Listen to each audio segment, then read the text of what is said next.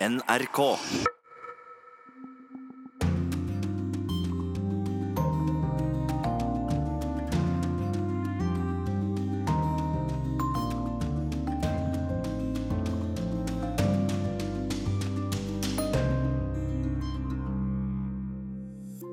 Sudan er ekskludert fra Den afrikanske union etter at demonstranter ble skutt denne uka.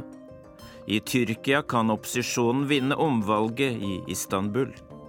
Hakkının yendiğini düşünüyoruz açıkçası. Når AKP vinner, skjer ingenting. Men når vi vinner, så sier de at det er uregelmessigheter. I Russland går innbyggertallet på landsbygda ned. Det bekymrer myndighetene. I Tyskland blir Merkels parti latterliggjort på YouTube. Vi skal ta pulsen på regjeringsforhandlingene i Danmark. Og først nå får vi vite nøyaktig hvor Julius Cæsar ble gravlagt. I podkasten Krig og fred skal vi til Kina. Og det blir et åpenhjertig korrespondentbrev om abortstriden i USA.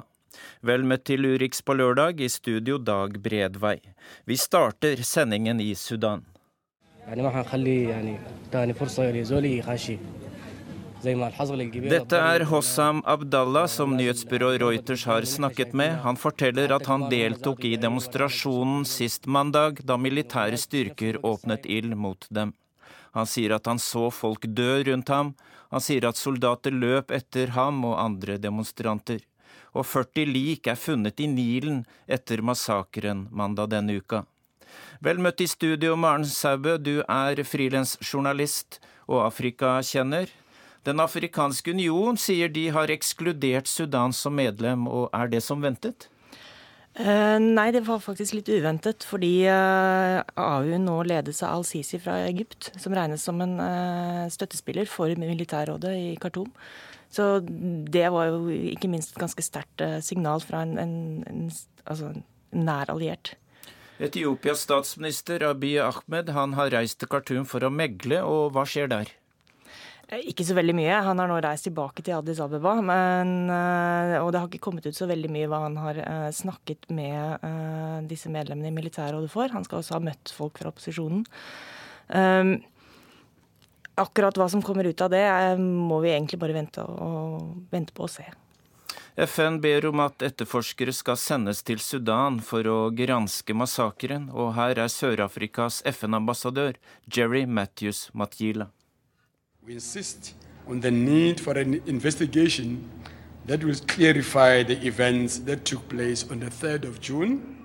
Vil en slik gransking føre fram, tror du, Maren Det kommer litt an på hvordan stemninga er i det militærrådet. Eh, Det er vel ikke eh, helt sikkert om hele militærrådet stilte seg bak denne aksjonen på mandag og de påfølgende dagene.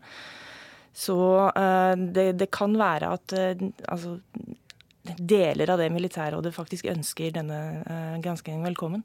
Mm. I en artikkel i Bistandsaktuelt skriver du om koblingen mellom en krigsherre fra krigen i Darfur i sin tid og denne massakren. Eh, Fortell. Altså den eh, som er nestleder i dette militærrådet, eh, som heter Mohammed Hamdan Dagolo, eller Hametti som han kalles, eh, han er en krigsherre fra Darfur, en tidligere Janjaweed, som ble tatt inn i varmen, så å si, av eh, Bashir, altså den avgåtte diktatoren i Sudan, eh, og eh, trent som en slags grensestyrke. Denne grensestyrken har, mistenkes for å stå bak selvfølgelig da store overgrep i Darfur, men også andre områder i Sudan, og i den libyske ørken, og nå i Khartoum.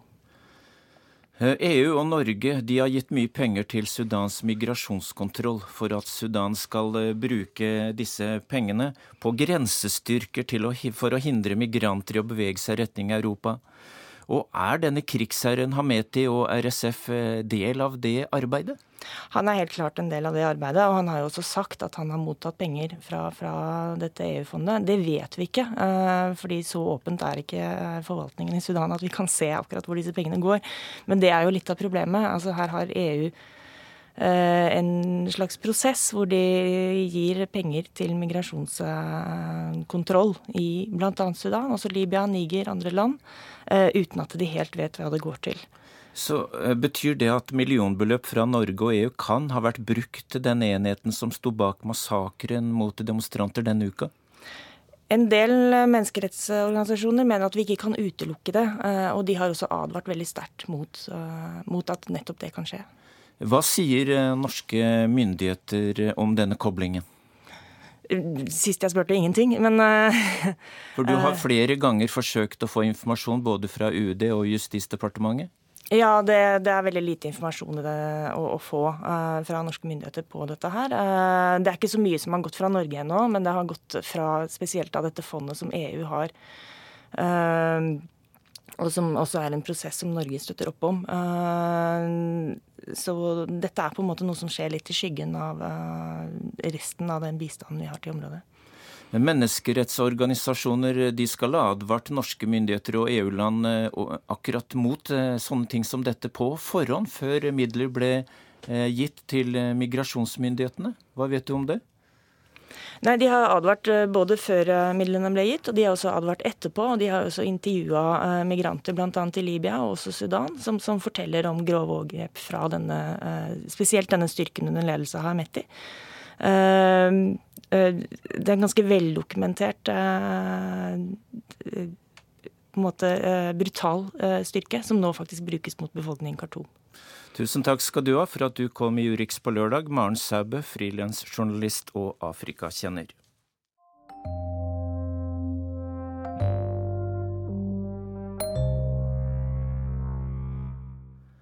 Om to uker må innbyggerne i Istanbul gå til nytt valg i byen sin, siden president Erdogan ikke anerkjente at opposisjonen vant sist. Vil presidenten godta et valgnederlag denne gang? Korrespondent Sissel Wold har truffet to av velgerne. Folk begynner å samle seg i et stort veikryss i en av Istanbuls mange bydeler. De venter på byens valgte borgermester, Ekrem Imamolo.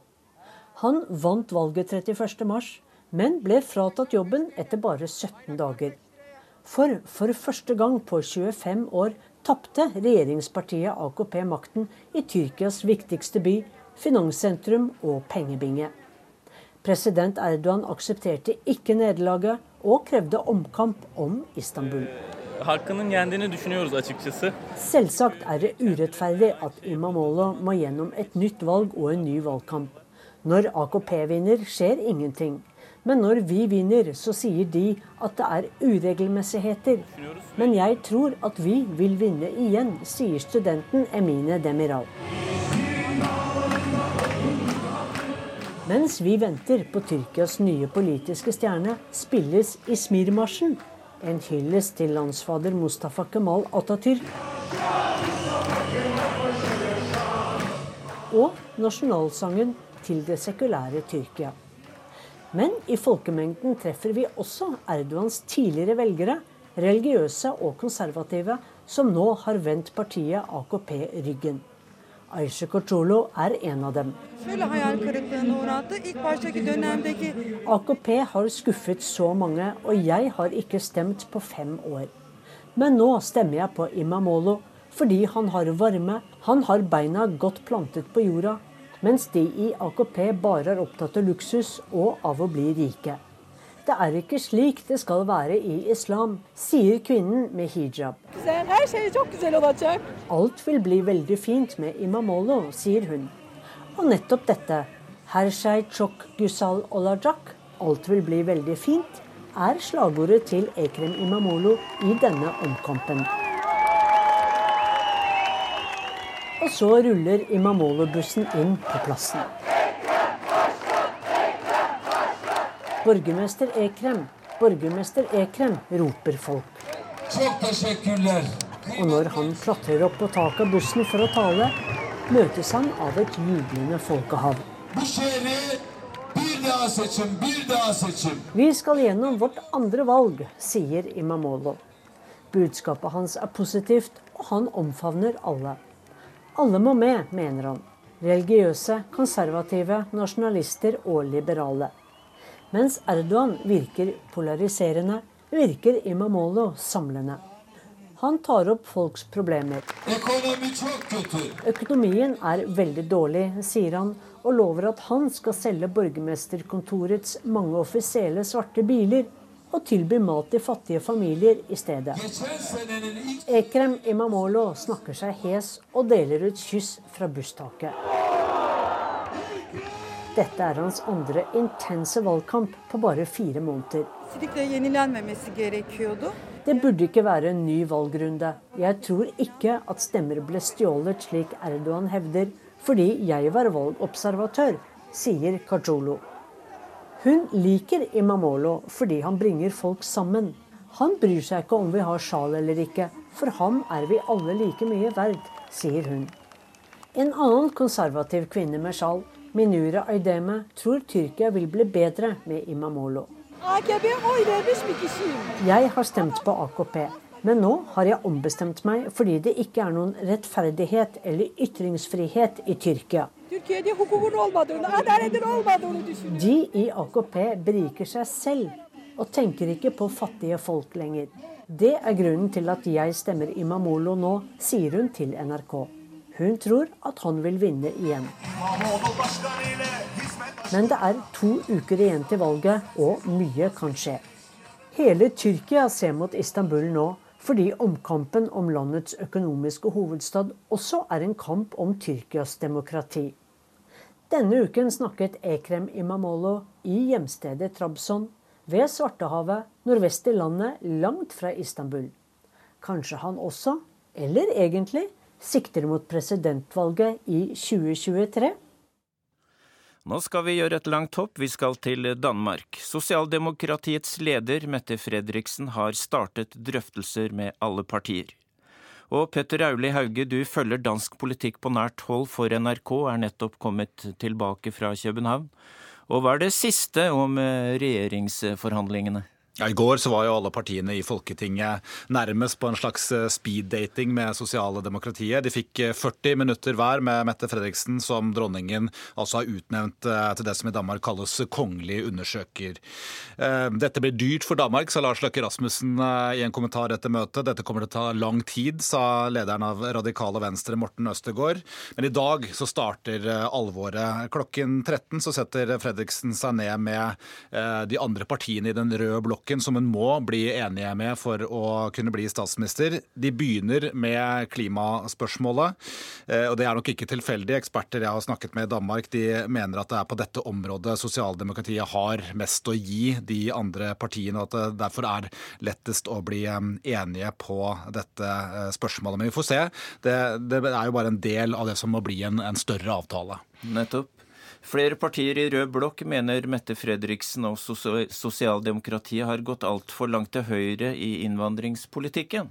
Og Er det et reelt problem for at hun kan danne regjering med støtte fra de røde partiene? Jeg tror uh, dette kan bli det vanskeligste spørsmålet å løse. Hva slags innvandringspolitikk skal en regjering ledet av Mette Fredriksen uh, føre? Hun har jo sagt at uh, det er den brede utlendingspolitikken som skal ligge fast, men akkurat hva som ligger i det begrepet har hun ikke vært helt konkret på. Det som er helt klart, er at de andre partiene i den røde blokken de ønsker en oppmykning av den stramme linjen som Danmark har ligget på de siste årene, og en linje som også Mette Fredriksen har har stilt seg bak.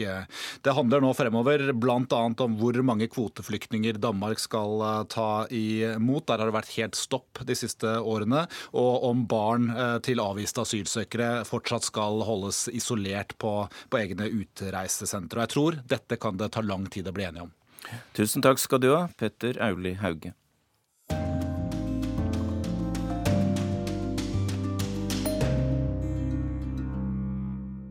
I Russland ønsker svært mange som bor på små steder å flytte til storbyene. Vår Russland-korrespondent Jan Espen Kruse har besøkt en mindre by i Ural, der innbyggertallet blir stadig mindre. Myndighetene er bekymret.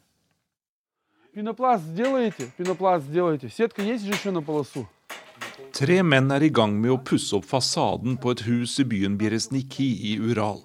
En av dem er Vitali Linkevitsj, han forsøker å få i gang et lite firma og betaler to unge menn på timebasis. Men det er ikke lett å få fortjeneste i arbeidet. Потому что, во-первых, во-первых, люди мало, ну, мало заказывают. Det er veldig vanskelig. Det er få som bestiller arbeid i denne byen. For det er lite penger i omløp, sier Linkevitsj. Han påpeker at de som har penger, bygger hus eller pusser opp, men de fleste sitter bare i leilighetene sine. De kan ikke gjøre noe som helst. 39-åringen sper på inntektene med å kjøre drosje, men han håper på å flytte til en annen del av Russland når han har skrapt sammen nok penger. Bjeresniki har en befolkning på 150 000 og regnes som en liten by i russisk sammenheng. Den ble bygd opp i Sovjetunionen fordi det ble funnet metaller og mineraler under bakken. Fortsatt er det gruvedrift og tungindustri som er grunnlaget for økonomien her. Men hvert eneste år synker folketallet med om lag 1000 mennesker. Честно скажу, были такие мысли, даже уже подыскивал варианты, даже в столицу перебраться. Jeg har tenkt på å reise til Moskva, der har jeg slektninger som kan hjelpe meg å komme i gang, sier Anton Plakhatnitsjenko. Han er 32 år gammel, er gift og har en sønn på seks år. Plakhatnitsjenko er ingeniør og arbeider i en av de store metallurgiske bedriftene i byen. 45 Lønna mi er på 45 000 rubler. Vi klarer oss, men vi har ikke akkurat noen konto i Sveits, sier den unge ingeniøren. Lønna utgjør om lag 6000 norske kroner. Han og kona har lån på leiligheten, og renta er på hele 10% Da blir det ikke så mye til overs til andre ting. I den russiske hovedstaden er lønningene mye høyere, men utgiftene er også større. Derfor bor familien fortsatt i Biresniki. Да,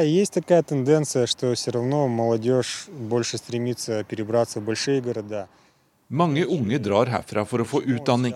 De vil ikke ha de tunge jobbene på fabrikkene, understreker Plakhatnitsjenko. Han mener at mange unge tenker annerledes enn før, og at de heller vil ha utdannelse og arbeid i teknologibransjen enn i tungeindustrien. Ordføreren i byen tar imot NRK på sitt kontor. Han er bekymret for at folketallet synker for hvert år som går. Из малых городов люди э, уезжают в миллионники. Tendensen er at folk flytter fra mindre steder til millionbyene, sier ordfører Sergej Djakov. I de største byene er mulighetene flere, spesielt når det gjelder utdanning. Men det er i Bereznikhi at svært mange arbeidsplasser finnes, påpeker ordføreren.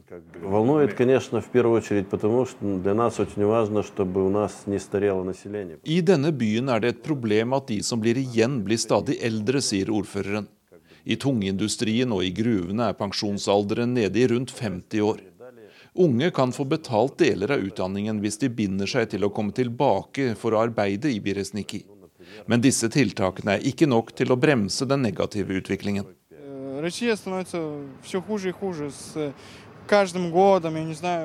Det blir verre og verre i Russland for hvert år som går, sier denne unge mannen som vi møter i sentrum av Biresniki.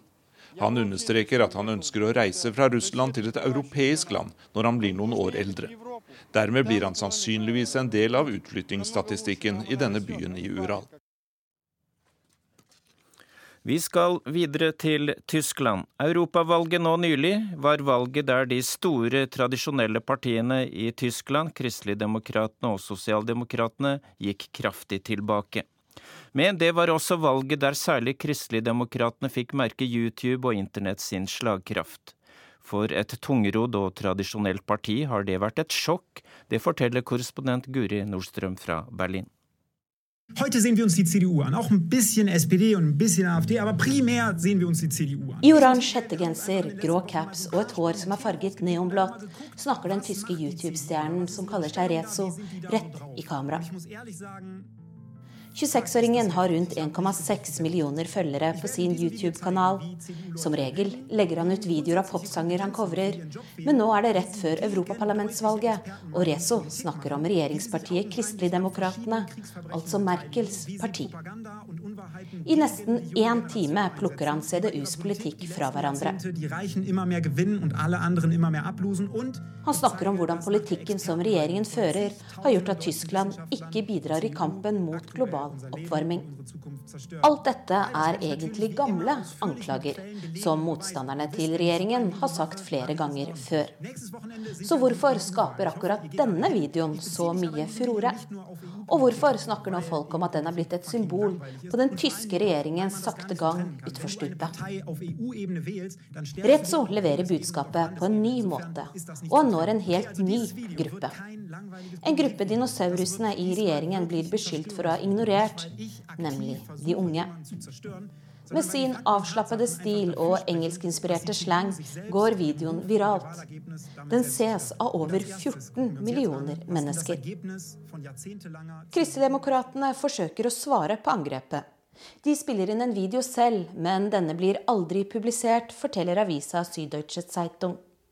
Istedenfor, og det er nå de begår generaltabben, publiserer de tilsvaret sitt på et elleve siders langt PDF-dokument som man kan gå inn og laste ned på CDU sin hjemmeside.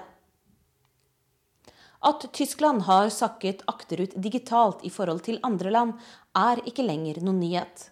Derfor var også CDUs valgløfte i 2017 at hele landet skulle få bredbånd innen 2021, et løfte som fikk flere til å dra på smilebåndet.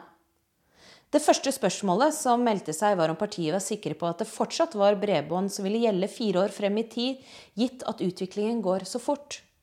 Men det kunne de ikke svare på. Så latterliggjøringen av at det nettopp er CDU som skal løfte landet inn i den digitale tidsalderen, var allerede i gang. Og når de svarte på kritikken fra youtuberne med en vanskelig tilgjengelig PDF-fil, så understreket de bare folks poeng. So, to dager før valget slo youtuberen Rezo til igjen. Da fikk han med seg 90 andre såkalte influensere, og deres budskap var klart. Tysklands regjering har ført landet mot klimakatastrofe. Denne gangen tok imidlertid CDUs leder Annegret Kramp-Karrenbauer i bruk sosiale medier for å svare. Men det gikk ikke så mye bedre enn med PDF-svaret. Partilederen foreslo nemlig på Twitter at det burde innføres regler for å regulere innlegg fra mektige internettfigurer under valg. Det var ikke særlig heldig skrevet når man samtidig skulle forsvare demokratiet og ytringsfriheten. Resultatet av europavalget var at CDU gikk kraftig tilbake. Det snakkes om Rezo-effekten, men den tror ikke hovedpersonen selv på. Det gamle Folkepartiet må bare ganske enkelt legge om kursen, mener han. F.eks. lytte til de unge når det kommer til digital- og klimapolitikken. Det er sant at Kristeligdemokratenes trøbbel allerede var i gang før Rezo postet sin video på YouTube. Men om ikke annet så er det ingen tvil om at Rezo-effekten iallfall har ført til at 2019 ble året da CDU oppdaget Internett for alvor.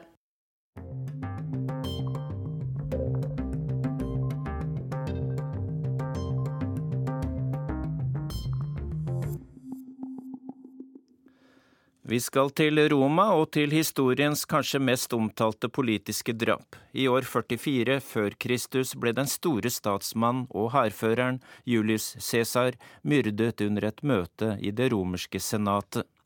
Men selv om de fleste romaturister kjenner historien, så vet de færreste hvor drapet fant sted. Det vil byens myndigheter nå gjøre noe med. Arnt Stefansen har sendt oss denne reportasjen. Jeg er ved Largo Argentina, et enormt hull i bakken i Romas historiske sentrum, der restene av gamle hedenske templer trekker tilreisende fra hele verden. Men de færreste vet at dette var åstedet for det kanskje mest berømte av alle politiske drap den 15. mars år 44 før Kristus, da Romas hersker Julius Cæsar kommer til møte i Senatet, skjer dette.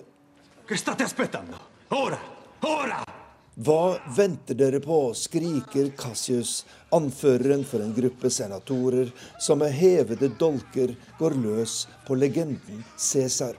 Men hvorfor gjør de dette? Grunnen er jo kampen mellom, for å si det enkelt, demokrati og diktatur. Sier Roma-eksperten Thomas Thies Evensen, som minner om at Cæsar var blitt utpekt til diktator av Roma på livstid, og at hans fiender fryktet at dette var slutten på demokratiet, altså den romerske republikk.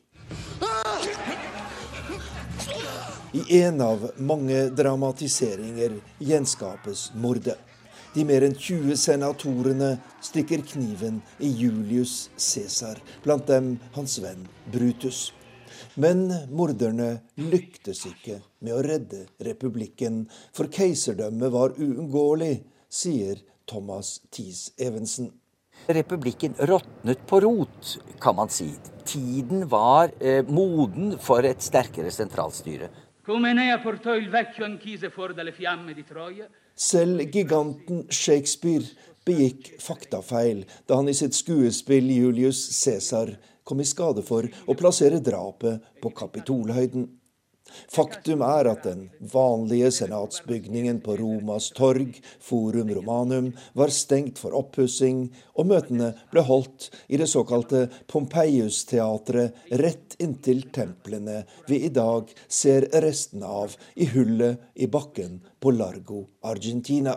E Romas ordfører Virginia Raggi står mellom ruinene i Largo Argentina og kunngjør et byggeprosjekt som millioner av turister vil ha glede av. Myndighetene vil gjøre det mulig for folk å komme ned i ruinen og tett innpå stedet der Cæsar ble myrdet. Endelig skal en av de mest kjente hendelser i Romas historie presenteres for publikum på den måten den fortjener, sier hun. Dette er en god idé, absolutt en god idé, sier romeren Roberto Colangeli, som jeg møter ved Largo, Argentina. Julius Cæsar var en av de største av alle romere, og det er på tide at stedet der han ble myrdet, blir tilgjengelig både for turister og oss som bor her, sier han. Romas utallige attraksjoner skal få selskap av én til. Og ifølge ekspertene kan Cæsars drapssted bli mer besøkt enn de fleste andre. Det er tid for å åpne ukens korrespondentbrev. Brevet er postlagt i Washington av en åpenhjertig Veronica Westrin. Dekket den opphetede debatten som pågår i flere stater i USA for eller mot selvbestemt abort. I skrivende stund sitter jeg på et fly på vei til Louisiana. En av mange stater i USA som for tiden vedtar strengere abortlover. Og jeg er sendt for å rapportere om det. Men med meg har jeg også min egen historie. Den jeg sjelden deler med andre. Den det fortsatt ikke er helt akseptert å snakke om. Jeg har tatt abort. Bare det å si det er vanskelig. Ordene krøller seg. Hvor skal jeg begynne? Jeg har startet på dette innlegget flere ganger. Det å dele min historie sitter langt inne, og fortsatt vet jeg ikke om det er riktig av meg. Det å snakke om abort føles fortsatt som et av vår tids største tabu. Det er drap, sa en gammel dame jeg møtte i Tennessee til meg i høst. Jeg møtte henne i en kirke utenfor Chattanooga og spurte henne om hennes syn på abort. Der fikk jeg den i fleisen. Hun mener jeg er en morder. Jeg fortsatte å stille spørsmål. Forsøke å forstå hvorfor hun mener som hun gjør. Være åpen. Jeg mener det er min viktigste oppgave som journalist. Min jobb er å fortelle deg hvordan ting henger sammen, og skape en forståelse av det som skjer. Ikke dømme, men rapportere. For henne var det den kristne troen som gjorde at hun mente det var galt å ta abort. Ville du vært dine barn foruten? spurte hun meg. Nei, svarte jeg. Selvsagt ville jeg ikke det. Jeg unnlot å si at jeg tok en abort før jeg fikk dem. Jeg håpet hun ikke ville spørre. I hennes verden er jeg en morder. Her i USA innfører nå flere delstater strengere abortlover. Mange kvinner raser andre synes det er på høy tid. En mørk del av amerikansk moderne historie de håper snart vil ende. Jeg er sendt dit for å forklare deg hva som skjer, Og det gjør jeg etter beste evne. Derfor holder jeg også min egen historie inni meg, helt fram til nå. Jeg var uten fast jobb og bodde i en liten leilighet. Den potensielle barnefaren var ute av bildet. Det var ikke slik jeg hadde sett for meg å stifte en familie. Selv om vi er heldige og har gode ordninger i Norge, var jeg usikker på om jeg ville klare det alene. Jeg tenkte mye. Hardt. Det var ikke noe lett valg å ta. Jeg husker fortsatt hvordan det var å trappe opp på Ullevål og få utdelt en pille. Tankene for gjennom hodet mitt. Lite ante jeg da om alt som ville komme etterpå. Følelsene. Jeg vred meg i smerte da prosessen startet. Det er noe jeg ikke unner noen å måtte gjennom. Jeg bestemte meg raskt for at dette var noe jeg aldri skulle gjøre igjen. Det er ikke første gangen jeg er sendt ut for å rapportere om abort. I høst besøkte jeg det som tidligere var en abortklinikk midt i bibelbeltet i USA, men nå et minnesenter for embryoer og fostre. En av kvinnene jeg møtte der, hadde en interessant historie å fortelle. Hun hadde selv tatt abort i ung alder og hadde angret hver dag siden. Nå hadde hun funnet trøst ved å drive minnesenteret videre. Jeg forstår smerten, jeg forstår tapet. Nok en gang fortiet jeg min egen historie, den jeg egentlig ikke skal snakke om. Samtidig forstår jeg også reaksjonene som kommer fra kvinnene som nå raser. Jeg har nå kommet meg hjem fra Louisiana. I likhet med Alabama vedtok staten å ikke gi unntak for ofre for voldtekt og incest. I min situasjon hadde jeg et valg. Men tenk å bli tvunget til å bære fram et barn du ikke ønsker, et resultat av en voldtekt. Her i USA er regelverket komplisert. Delstatene vedtar selv sine lover, men retten til abort er i dag sikret gjennom en kjennelse fra 1973, kjent som Roe mot Wade. Dersom Høyesterett velger å tolke Grunnloven annerledes og ikke garantere denne retten, kan alle delstatene som har innført strengere lover, sette dem i verk. Samtidig er det mange delstater som går andre veien. New York er blant dem som nylig har vedtatt lover for å sikre retten til abort i senere stadier. Staten har tillatt abort fram til 24. uke, og også senere dersom fosteret ikke er levedyktig, eller det er nødvendig for å sikre kvinnens liv eller helse. Det skaper reaksjoner. I Louisiana er abort i dag tillatt opp til 20. uke. Da er kvinnene rundt halvveis i svangerskapet. Alle som har vært gravide og fulgt med på Gravid-appen, vet at i uke 20 kjenner mange sparkene i magen. Samme uken som jeg var i Louisiana, kom nyheten om at det som var den minste babyen i verden da hun ble født, var sendt hjem fra sykehuset i San Diego, California. Hun var 23 uker og 3 dager da hun ble født. Hun veide 245 gram og ble betegnet som en sunn nyfødt. Så spørsmålet vi sitter igjen med, er når skal man sette grensen? Hva er et menneskeliv? Det er et vanskelig spørsmål, og jeg er ikke den rette til å svare på det. Men rundt om i USA kommer det altså stadig nye grenser. Mange av dem ved rundt seks uker. Det er før mange i det hele tatt vet at de er gravide. Pro-life-tilhengerne jeg møtte i Louisiana, mener abort bør være forbudt fra unnfangelse. De mener man må skille mellom livet inni magen og kvinnen og heller støtte kvinnen til å bære barnet fram. Det er nå jobben vår begynner, sa de etter at Louisiana hadde vedtatt det som nå er en av de strengeste abortlovene i USA. Motstanderne mot strengere lover fortalte meg at det er nødvendig med de liberale lovene de har, fordi det allerede er innført mange regler som gjør det vanskelig å komme seg til en klinikk for å få abort. Seksualundervisning i staten er fraværende, og en som arbeidet ved abortklinikken, forklarte at mange faktisk ikke skjønner at de er gravide før det har gått en del tid. På begge sider brukes argumenter om menneskerettigheter. Abortmotstanderne snakker utelukkende om å redde liv. Livet til det ufødte barnet. Abortforkjemperne snakker om kvinnelivet. De kjemper for kvinners rettigheter. Det er harde fronter i en vanskelig tematikk. Og jeg lytter til begge. Dette er ikke svart-hvitt. Det er ikke skrevet i stein. Og det er derfor alle disse nye lovene nå popper opp. I skrivende stund aner jeg ikke hva framtiden er for USA. Vil kvinnene miste alle sine rettigheter, slik dem som kjemper for å redde det ufødte menneskelivet ønsker? Eller vil dem som kjemper for kvinners rettigheter, komme seirende ut? Jeg vet ikke. Tiden vil vise. Men jeg vet at det å ta en abort ikke er et enkelt valg. Jeg vet at det er noe som sitter i deg, for alltid. Utenfor abortklinikken jeg besøkte i Louisiana, klarte jeg ikke lenger å holde det inni meg. Der kom tårene. De trillet nedover kinnene mine. Der gikk dem som kjemper for det ufødte livet og ropte etter kvinnene som oppsøkte abortklinikken. De sto der utenfor og ba for dem og det ufødte liv.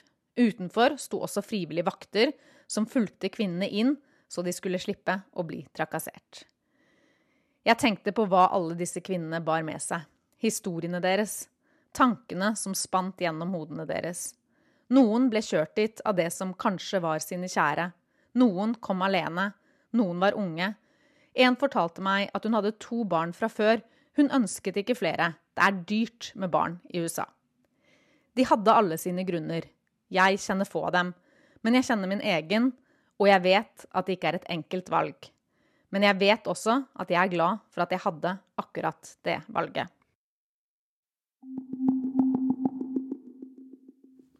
Ukens podkast Krig og fred er om Kina 30 år etter massakren på Den himmelske fredsplass. Ingen kan elske Kina og samtidig kritisere kommunistpartiet, mener lederskapet. Men har Kina lyktes økonomisk de siste 30 årene fordi demonstrantene ble kneblet?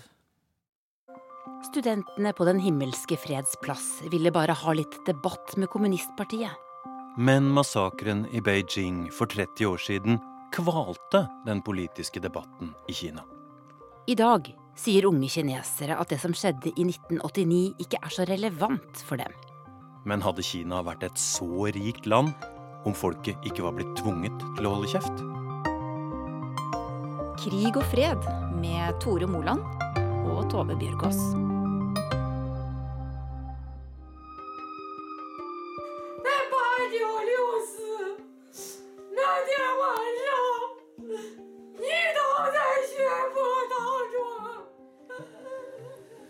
Her sitter det en kvinne på sine eldre dager med et lys i hendene og prøver å snakke til sønnen sin som har vært død i 30 år, om hvor mye hun er glad i han, hvor stolt hun er over han.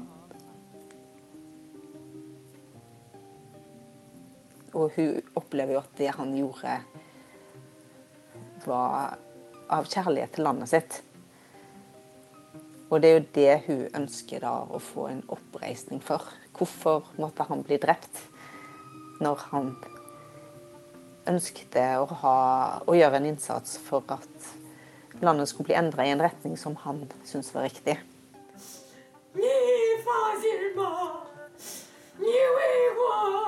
Det er jo hjerteskjærende å se at en kvinne som er på sine eldre dager, ikke får lov å snakke fritt om barnet sitt uten å bli knebla. Jeg heter Kjersti Strømmen og er NRKs Asia-korrespondent. Nå har vi bestemt oss for å se om vi får kontakt med ei kvinne som er mor til en av eh, de som døde i massakren på Den himmelske freds plass. Vi er fremdeles fulgt av eh, iallfall én bil. Kjersti, dette er en del av TV-reportasjen du sendte hjem denne uka, hvor du forsøkte å møte denne moren til en av dem som ble drept i Beijing for 30 år siden. Du klarte aldri å få noe intervju med henne, fordi både hun, du og den kinesiske fotografen din ble overvåket, forfulgt og stanset av kinesiske myndigheter. Det vi hørte først her, er et opptak kvinnen har fått smuglet ut av leiligheten sin. Hvorfor er det sånn i Kina? Det som nok skjer her, er jo at de avlytter de som eh, journalister sannsynligvis ønsker å treffe. Altså folk som har tidligere snakka om eh, Tiananmen, og som bærer vitnesbyrd. Når vi ser i reportasjen at flere biler kjører etter deg på, på motorveien, da vet de hvor dere er på vei hen? Ja, eh, altså hvor de begynner denne overvåkningen, det vet vi jo ikke. Men eh, når vi bestiller billetter og hotell, altså, så vil jo passene og identifikasjonspapirene våre bli registrert. Sånn at det er jo umulig å skjule at man skal på reise et eller annet sted. Vi prøver å riste av oss skyggen på motorveien, men oppdager at det nå er minst tre biler etter oss. En av dem er en drosje. Ja. 为什么跟着我们？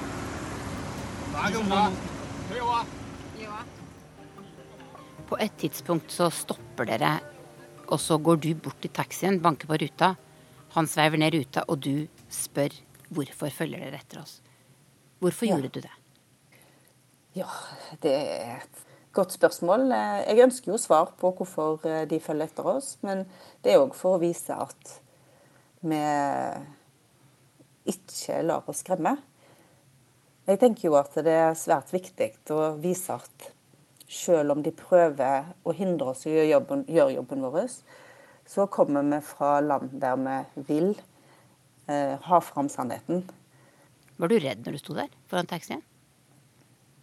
Nei, det var jeg ikke, fordi ehm, vi bestemte oss for å konfrontere de på et offentlig sted. Vi visste at det var ikke noe spesielt lurt å gjøre det på en øde parkeringsplass. Men eh, her var det en bensinstasjon med andre folk til stede. Og da var det lite sannsynlig at eh, det ville gå noe lenger enn at vi fikk en muntlig konfrontasjon.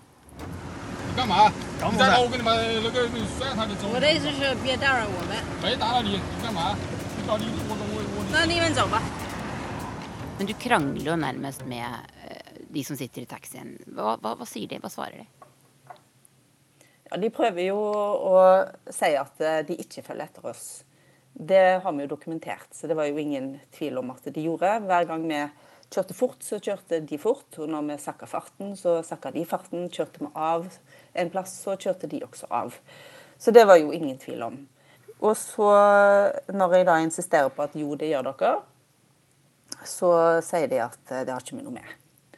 Og eh, at hvis vi fortsetter å filme, så skal de ødelegge kameraet. Ødelegge kameraet. Ja. Men vi ønsker å vite hvem han var, sønnen som ble drept. Vi kommer ikke lenger enn til inngangsdøra før folk omringer oss. Hennes eh, versjon òg når vi kommer der og banker på døra, er jo at eh, tusen takk, jeg kan ikke treffe dere, jeg er syk. Så det oppfatter jeg som den eh, offisielle forklaringen hun har vært nødt til å gi oss. Fordi at eh, når det er så mange mennesker rundt, så vil det bety store problemer for alle involverte dersom eh, hun skulle åpne døra.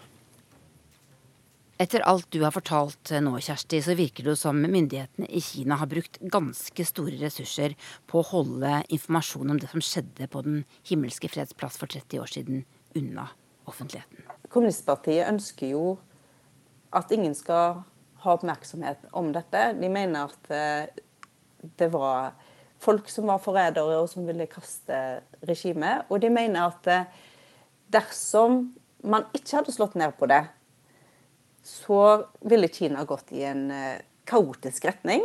Og man ville ikke ha fått den fantastiske utviklingen som Kina har fått i dag. Der man har en økonomi som er i stor vekst, der færre er blitt fattige. Mange mennesker har fått mye penger mellom hendene, og man har et rikere samfunn. Men det er jo Xi Jinpings mening, øh, det er hans budskap, at alle må stå bak kommunistpartiet for at Kina skal kunne ha en stø kurs inn i fremtiden. Og hvis man skulle hatt, eh, hørt på disse menneskene i 1989, mener styresmakten, så vidt jeg forstår de, så ville Kina vært helt annerledes. Man ville ikke ha hatt den fantastiske utviklingen som man har i dag. 就是下周是一个三十年的纪念日，你知道吗？啊，我不知道，对我没有了解。 4. juni-massakren? Nei, den har jeg ikke hørt om. Sier en ung fyr nyhetsbyrået Associated Press møter på gata i Beijing. Mange unge kinesere sier de ikke kjenner til det som skjedde på Den himmelske freds plass. Men Washington Post fikk høre litt mer da de lot sine unge intervjuobjekter få lov å være anonyme. Student 25. Da jeg gikk på videregående, leste vi bl.a. om kulturrevolusjonen i historiebøkene. Men en dag fikk jeg tilsendt en e-bok om 4. juni av en venn av meg. Vi diskuterte det som skjedde, Men for meg er dette bare nok et vanvittig kapittel i kinesisk historie som skjedde før jeg ble født, akkurat som kulturrevolusjonen. Det er unge kinesere i dag ikke opptatt av det som skjedde for 30 år siden? Jeg vet ikke om jeg vil si at de ikke er opptatt av politikk. Men de kjenner nå på kroppen at det ikke er tiden for å være opptatt av politikk. Jeg tenker at ungdommer over hele verden er på en måte revolusjonære. De ønsker endring. Mm. Men um, i Kina så um, Det er to ting. Det ene er at de har, uh, har jo fått det veldig bra. Og det som generasjoner før ikke har kunnet i Kina, er jo å eie sin egen bolig, ha sin egen bil, ha muligheten til en god utdannelse. Mens eh, det har ungdommen i Kina i dag. Jeg vil vel kanskje påstå at muligheten for ungdommer i Kina er større enn ungdommer i USA. Mm. Mer lysende fremtid, sånn som Kina ser ut nå. troops have been firing indiscriminately, but still, there are thousands of people on the streets who will not move back. Vi hører BBCs reporter Katie Ady fra Den himmelske freds plass natta til 4. juni 1989. Noen timer før hadde soldatene fra Folkets frigjøringshær åpna ild. Ingen vet egentlig hvor mange som døde. Kinesiske myndigheter sa det var 300. Amnesty og utenlandske diplomater mener det var nærmere 1000. Eller kanskje enda flere. Altså, Vi korrespondenter var veldig, veldig velkomne på plassen. Og 2. juni, da, jeg fortalte en student at uh, nå, nå, tror jeg nok dette er over, uh, så tok han altså Han hadde sånn pannebånd hvor det sto 'frihet og kamp for frihet og demokrati'. Og det ga han meg, da, og det pannebåndet har jeg fortsatt på arbeidspulten min. Og han har jeg aldri sett igjen. Jeg heter Terje Svabø. Eh, jeg er eh, frilansjournalist. Driver mest med å lede konferanser og debatter og skriver litt. Og i 1989 var jeg Aftenpostens korrespondent i Asia, og bodde da i Beijing. Terje, når du gikk rundt og snakket med studentene på Den himmelske fredsplass i, 1989, hva, hva, var det de ønsket seg? Var det helt vanlig demokrati? Ja. Altså, jeg tror at Jeg håper dette ikke høres litt rart ut, men oppfatninga av hva et demokrati er, var vel ikke like klart hos alle studentene. Altså, de, de hadde jo ikke fått lest så veldig mye om hvordan parlamentarisme eller noe sånt fungerer, da, men det de var opptatt av, det var at de ville ha frihet til å gjøre og tenke det de ville, og det oppfatter de som demokrati, og det er helt riktig. For det andre så var de veldig opptatt av at Kina måtte bli et rettferdig samfunn.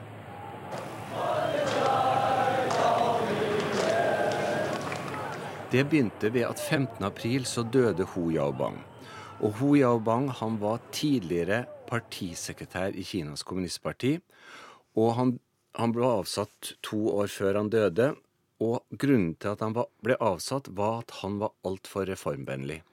Og det er en tradisjon i Kina at når kjente, store personligheter dør, så kommer folk til Den himmelske fredsplass, Tiananmen, og da legger de blomster ved monumentet over de falne.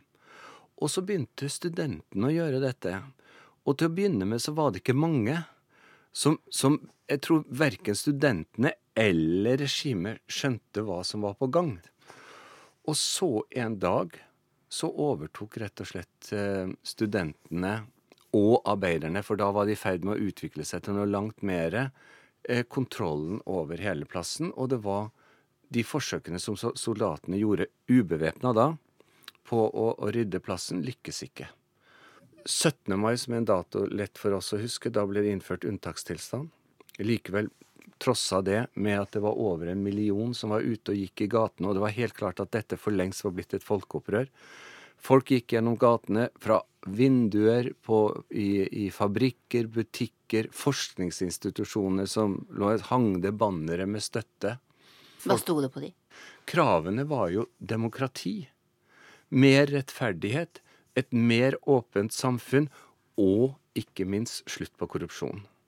Så det var støtte til disse, eh, disse, kravene, og folk kom ut fra butikkene med vann og mat og ga til de som gikk da i demonstrasjonstog. Og så eh, fortsatte dette fram mot uh, juni.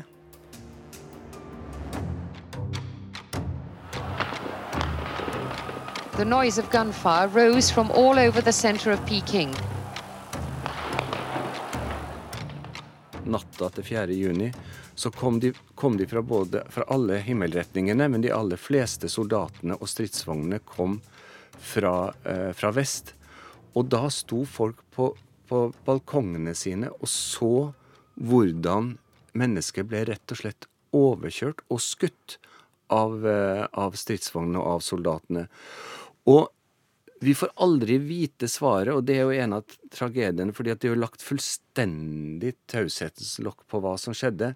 Men, men, jeg vil ikke være forundret om flertallet av de som ble drept 4.6, faktisk var vanlige mennesker som gikk ut i gatene for å forsøke å stoppe stridsvognene, som ikke hadde vært på en himmelske fredsplass. Hvordan har dette preget ditt forhold til Kina? Jeg holder ganske mye foredrag om, om Kina, og da begynner jeg med følgende eh, setning. Til Kina har jeg et hat-kjærlighetsforhold.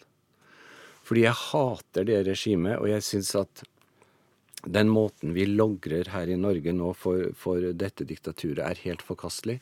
Samtidig som når du er Og jeg har vært i Kina så å si hvert år etterpå. Du møter altså så mye trivelige folk. Det er jo et så spennende og rikt land.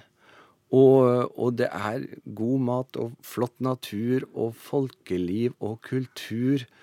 Så det, det, er, det er veldig, veldig sammensatt.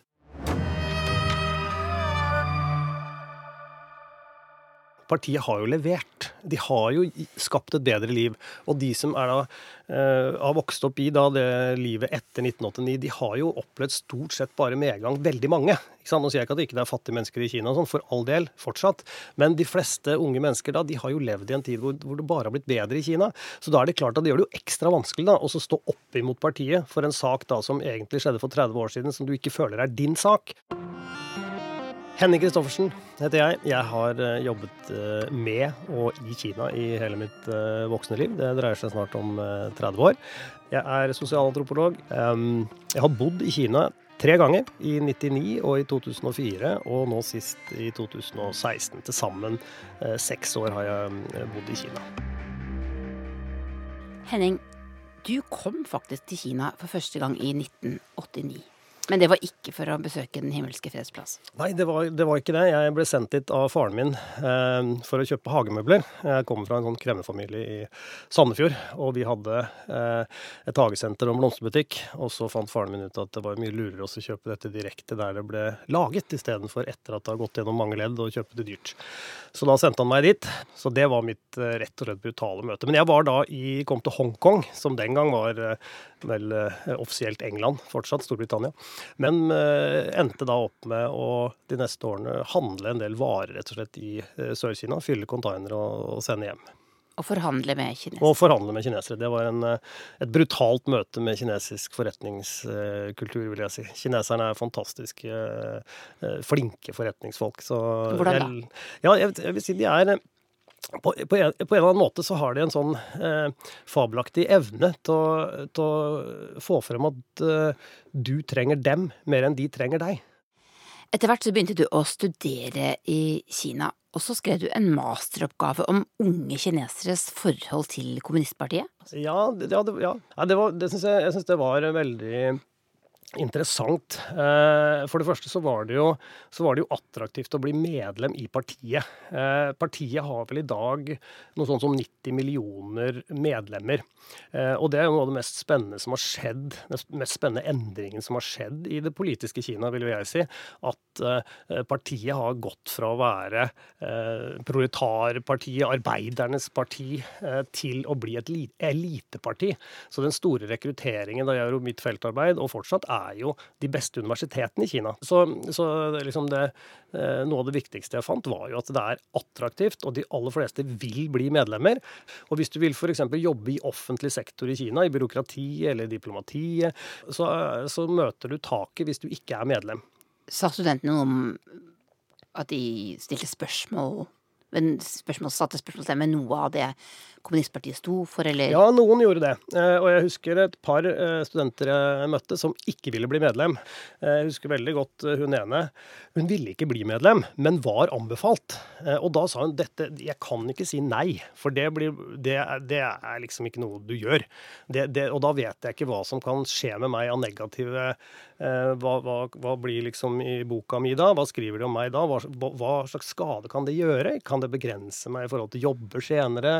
Så hun endte opp med å bli utvekslingsstudent og, og, og, og liksom prøve å snike seg liksom unna det å måtte svare så veldig konkret. Da. Jeg har forsøkt å få tak i noen kinesiske studenter i dag ja. i, til denne podkasten for å snakke om hvordan de tenker på det som skjedde for 30 år siden. Og hvordan de tenker at det har forandret landet deres. Eh, men det har vært veldig vanskelig. Eh, og vi, det vi har klart, er å ja, finne noen studenter som anonymt har uttalt seg til mm, andre mm. medier.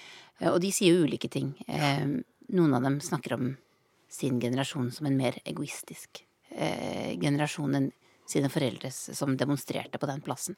Kina er jo åpenbart sensurert, og hvis du søker 4.6 og, og søker informasjon om dette i Kina, så kommer det jo ikke noe opp. Men så er det jo så mange som reiser, og det er et informasjonstilfang uansett, så det er jo ikke mulig å holde dette skjult.